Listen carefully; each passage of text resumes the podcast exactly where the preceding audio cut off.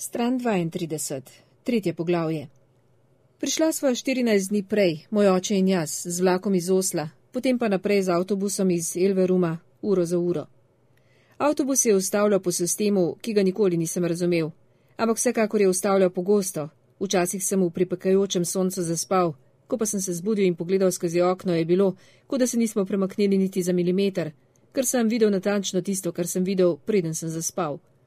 Ovinkasto makadamsko cesto z nivami na obeh straneh in s kmetijami, na katerih so bile hiše pobarvane belo, seniki prdeče, nekatere so bile majhne, druge malo večje, za bodečo žico so bile krave čisto do ceste, poležavale so in prežvekovale s priprtimi očmi v soncu in skoraj vse so bile rjave, samo nekatere so imele bele ali črne zaplate na rjavem. Za kmetijami pa je bil gost s svojimi modrimi sencami na hribu, ki je bil nenehno isti. Ta vožnja je trajala skoraj vse dan, čudno pa je, da se mi ni zdela dolgočasna. Rad sem gledal skozi okno, dokler veke niso postale težke in tople. Zaspal sem in se zbudil in stotič, ali pa še več, pogledal skozi okno, ali pa sem se obrnil in pogledal očeta, ki je vso pot presedel z nosom v knjigi o nečem tehničem. Nekaj o gradnih hiš ali o strojih ali o motorjih, o vsem tem je nekaj vedel. Potem je dvignil glavo in me pogledal in pokimal in se nasmehnil, in jaz sem se nasmehnil nazaj, in on se je spet sklonil nazaj nad knjigo. In jaz sem zaspal in sanjal o toplih rečeh, mehkih rečeh, in ko sem se prebudil zadnjikrat, je bilo to zato, ker me je oče stresel za ramo. Hej, mojster, je rekel, in odprl sem oči in se ozrl okoli sebe. Avtobus je bil pri miru, motor ugasnen, stali smo v senci velikega hrasta pred trgovino. Videl sem peš pot proti mestu čez reko in reka je bila tam prav oska in žuboreče je padala čez majhno brzico in nizko sonce se je bleščalo na vrhovih dreves. Zdaj bova izstopila zadnja, to je bila končna postaja. Ni bilo mogoče priti dlje, preostanek bova morala prehoditi in pomislil sem, da je to značilno za mojega očeta, da me je pripeljal tako daleč, kot se je le dalo in da se je še imenovalo Norveška in nisem spraševal, zakaj prav sem. Bilo je, kot da me preizkuša, in proti vsemu nisem imel nič. Očetu sem zaupal. Pobrala sem svoje torbe in opremo iz prtljažnika za avtobusom in se odpravila proti mostu. Na sredini sva se ustavila in se zastrmela v deročo, skoraj zeleno vodo in trdo sva poprijela za ribiški palici iz bambusa, z njima udarila ob novo ograjo, plunila sva v reko in oče je rekel: Le čakaj, Jakob. Vse ribe je klical Jakob, bodi si v slanem oselskem fjordu doma, z gornjim delom trupa nagnjen čez rob čovna, ko se je posmehnil vodi in izašalo zapretil s pestjo. Le čakaj, Jakob, zdaj te pa bova. Ali pa v tej reki, ki je pritekla v pol krogu čez švedsko mejo in skozi vas in nekaj mil južneje nazaj na švedsko. In spominjam se, da sem leto prej strmel vrtinčasto vodo in se spraševal, ali je na kakšen način mogoče videti ali čutiti ali okusiti, da je voda v resnici švedska in da je na tej strani meje samo na posodo. Ampak takrat sem bil veliko mlajši in sem le malo vedel v svetu in šlo je pač le za bežno misel. Stala sva na mostu, oče in jaz, spogledala sva se in se nasmehnila in vsaj jaz sem čutil, kako se mi po trebuhu širi pričakovanje. Kako gre, je rekel. V redu, sem rekel in nisem mogel zadržati smeha. Zdaj sem skozi dež prišel od reke gor po stezi. Za mano je v čovnu sedel Jon in jadral potoku navzgor. Spraševal sem se, ali glasno govori sam s sabo, ko sem to počel jaz, kadar sem bil sam. Samemu sebi sem na glas opisoval, kaj sem pravkar storil, in tehtal argumente za in proti in končal sklepom, da nisem imel izbire. Ampak on tega gotovo ni počel. Po vsem telesu sem bil čisto premražen, zobje so mi šklepetali. Pod pazduho sem imel polover in srajco, ampak zdaj je bilo prepozno, da bi si jo spet nadel. Nebo je bilo temnejše, kot je bilo navadno po noči. Moj oče je imel v hiši parafinsko svetilko, skozi okna je toplo in rumeno svetila. Iz dimnika se je v zavojih kadil siv dim, ki ga je dež takoj stolkal na streho, in voda in dim sta stekla po strešnikih kot siva kaša. Videti je bilo čudno. Vrata so bila priprta. Šel sem čisto do praga in zavohal sem von od svrte slanine, ki se je bil skozi svetlo odprtino.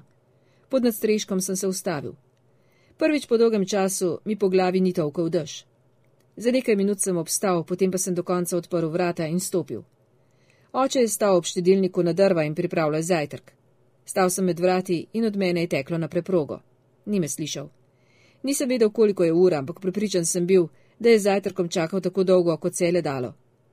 Čez karirasto srajco je imel star luknest polover, ki ga je rad nosil, kadar ni bil v službi. Imel je brado, saj se ni obril, odkar sva prišla. Kosmat in svoboden je imel navado reči in pri tem se je pogledil po bradi. Tam je stal moški, ki mi je bil všeč. Zakašljal sem, on se je obrnil in je pogledal z nagnjeno glavo. Čakal sem, kaj bo rekel. Ježeš, to pa je mu, kar fant je rekel. Pokimal sem. Pa res, sem rekel med šklepetanjem zob. Ostani, kjer si. Ponov je potegnil na rob štedilnika in odšel v spalnico in se vrnil z veliko brisačo. Daj dol hlače in čevlje, je rekel. Storil sem, kot je hotel. Ni bilo lahko. In potem sem stal na preprogi nak. Počutil sem se, kot da bi bil spet fantek. Pridi sem k peči. Šel sem k peči. Naložil je dve novi poleni na ogenj in zaprl vratca. Skozi odprtino na dušilniku sem videl, kako so se plameni dvignili in od rešetke so udarili valovi toplote, ki so me skoraj zaboleli. Potem je uvil brisačo okoli mojega telesa in začel drgniti, najprej previdno, potem pa vse bolj trdo. Zdelo se mi je, da se bom užgal, tako kot kadar indijanci drgnejo skupaj dve paličici, da bi zakurili ogen. Bil sem trda, suha palica, potem pa sem postal žareča gmota. Malo podrži, je rekel.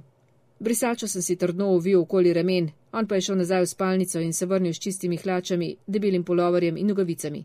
Zelo počasi sem se oblekal. Silačen, je rekel. Ja, sem rekel. In potem zelo dolgo nisem rekel ničesar več. Postregal je s pečenimi jajci in slanino in kruhom, ki ga je v stari peči izpekal sam, in narezal ga je na debele kose in namazal z margarino. Pojedel sem vse, kar je postavil predme, on pa je sedel in začel še sam jesti. Slišala sva, kako je dež udarjal po strehi in deževalo je po reki in po Jonovem čovnu in po poti v trgovino in po Barkaldovih travnikih. Deževalo je na gosti in na konje na pašniku in na vsa gnezda na vseh drevesih, na lose in zajce in na vse strehe v celi vasi, ampak notri v koči je bilo toplo in suho. V peči je prasketalo in jedel sem, dokler ni bil krožnik čisto prazen, in oče je jedel z nekakšnim polovičnim nasmeškom, kot da bi bilo katerokoli jutro, ampak to seveda ni bilo res. In potem sem nenadoma postal utrujen in naslonil sem se na mizo, položil sem glavo na roke in zaspal. Ko sem se zbudil, sem ležal pod odejo na spodnjem pogradu, ki je bil v resnici očetov. Bil sem oblečen. Skozi okno je iz-za koče sijalo sonce in tako sem vedel, da je ura že precej čez dvanajst. Odgrnil sem odejo, se zavihtel iz postele in položil noge na tla. Počutil sem se dobro. Po eni strani me je bolelo, če sem pritisnil, a zato se nisem zmenil. Šel sem v sobo. Vrata so bila odprta na stežaj, na dvorišču je sijalo sonce. V travi se je mokro bleščalo in en meter nad zemljo je ležala volnena preproga vlage v vročini. Na oknu je brenčala muha. Pred omaro v kotu je stal oče in iz nahrbnika je mal stvari iz trgovine in jih zlagal na polico. Medtem ko sem spal, je prehodil so dolgo pot do trgovine in nazaj. Takoj me je zagledal, ustavil se je in obstal z vrečko v roki. Bilo je čisto tiho in on je bil popolnoma resen. Kako si je rekel? V redu, sem rekel, v redu se počutim. Dobro je rekel in utihnil in potem je rekel. Danes zjutraj, ko si bil zunaj, si bil z Jonom. Ja, sem rekel. Kaj ste pa počela? Šla sva konje krast. Kaj praviš? Oče je bil skoraj da vznemiren. Katere konje pa? Barkaldove. Jih nismo mislili zares ukrasti, samo jahati. Ampak temu praviva krasti, da je bolj napeto. Previdno sem se nasmehnil, ampak on se ni nasmehnil nazaj. Zame se ni tako dobro končalo, sem rekel. Kon me je vrgal dol, naravnost čez bodečo žico.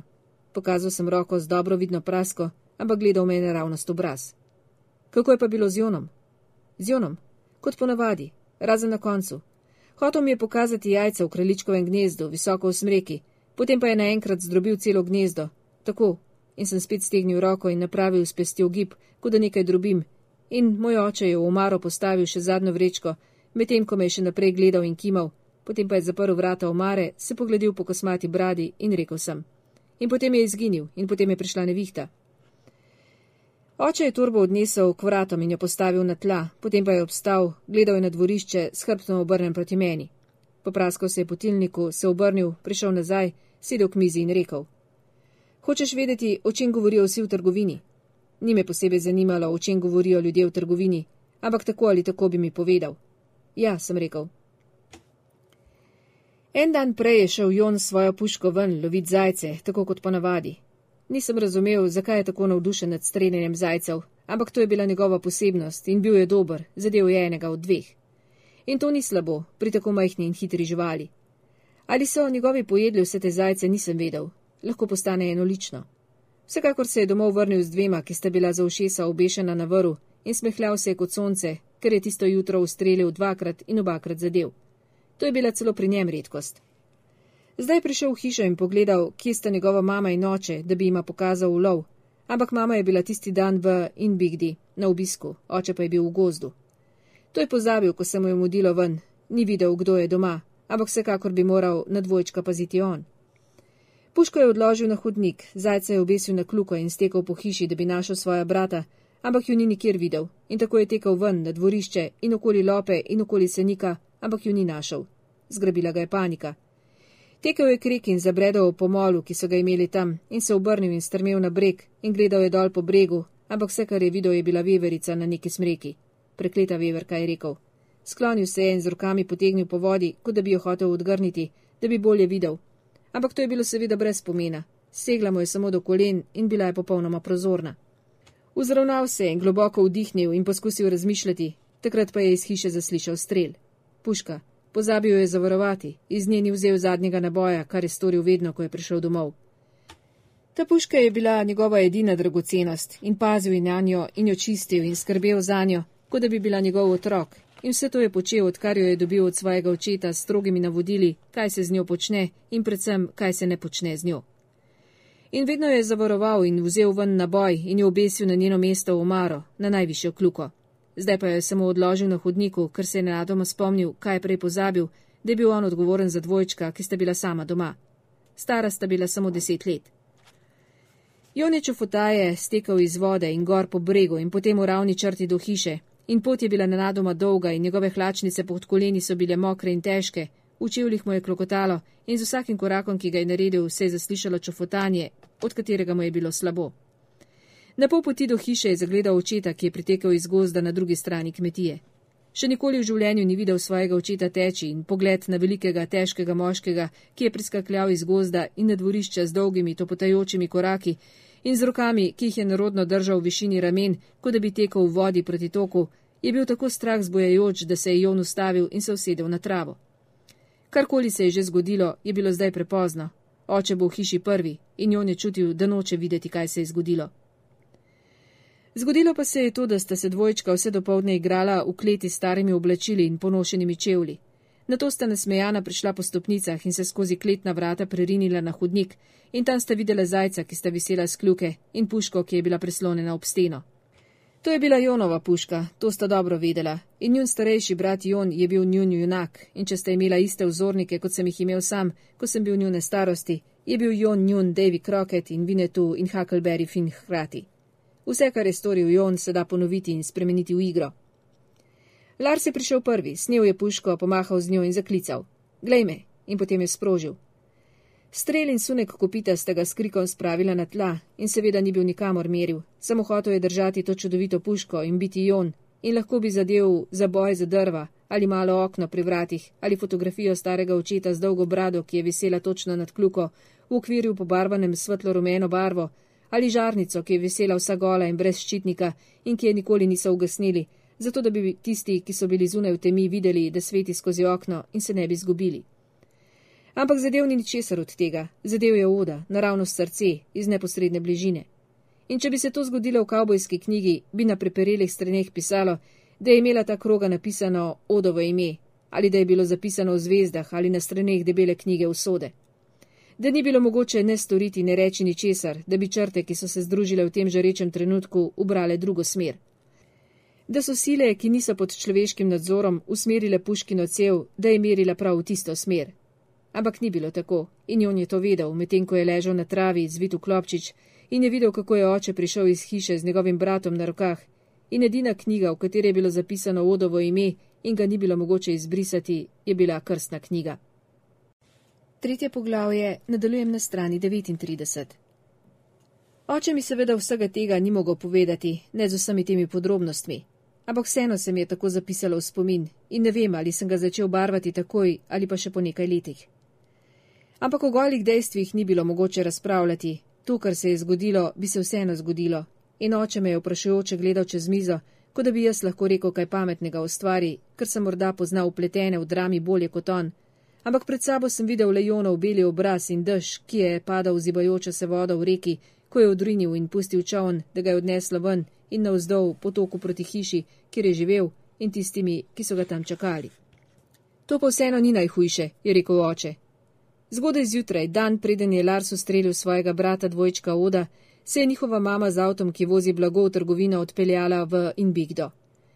Dan potem, ko se je vse skupaj zgodilo, bi jo moral oče iti iskat s konjem in vozom.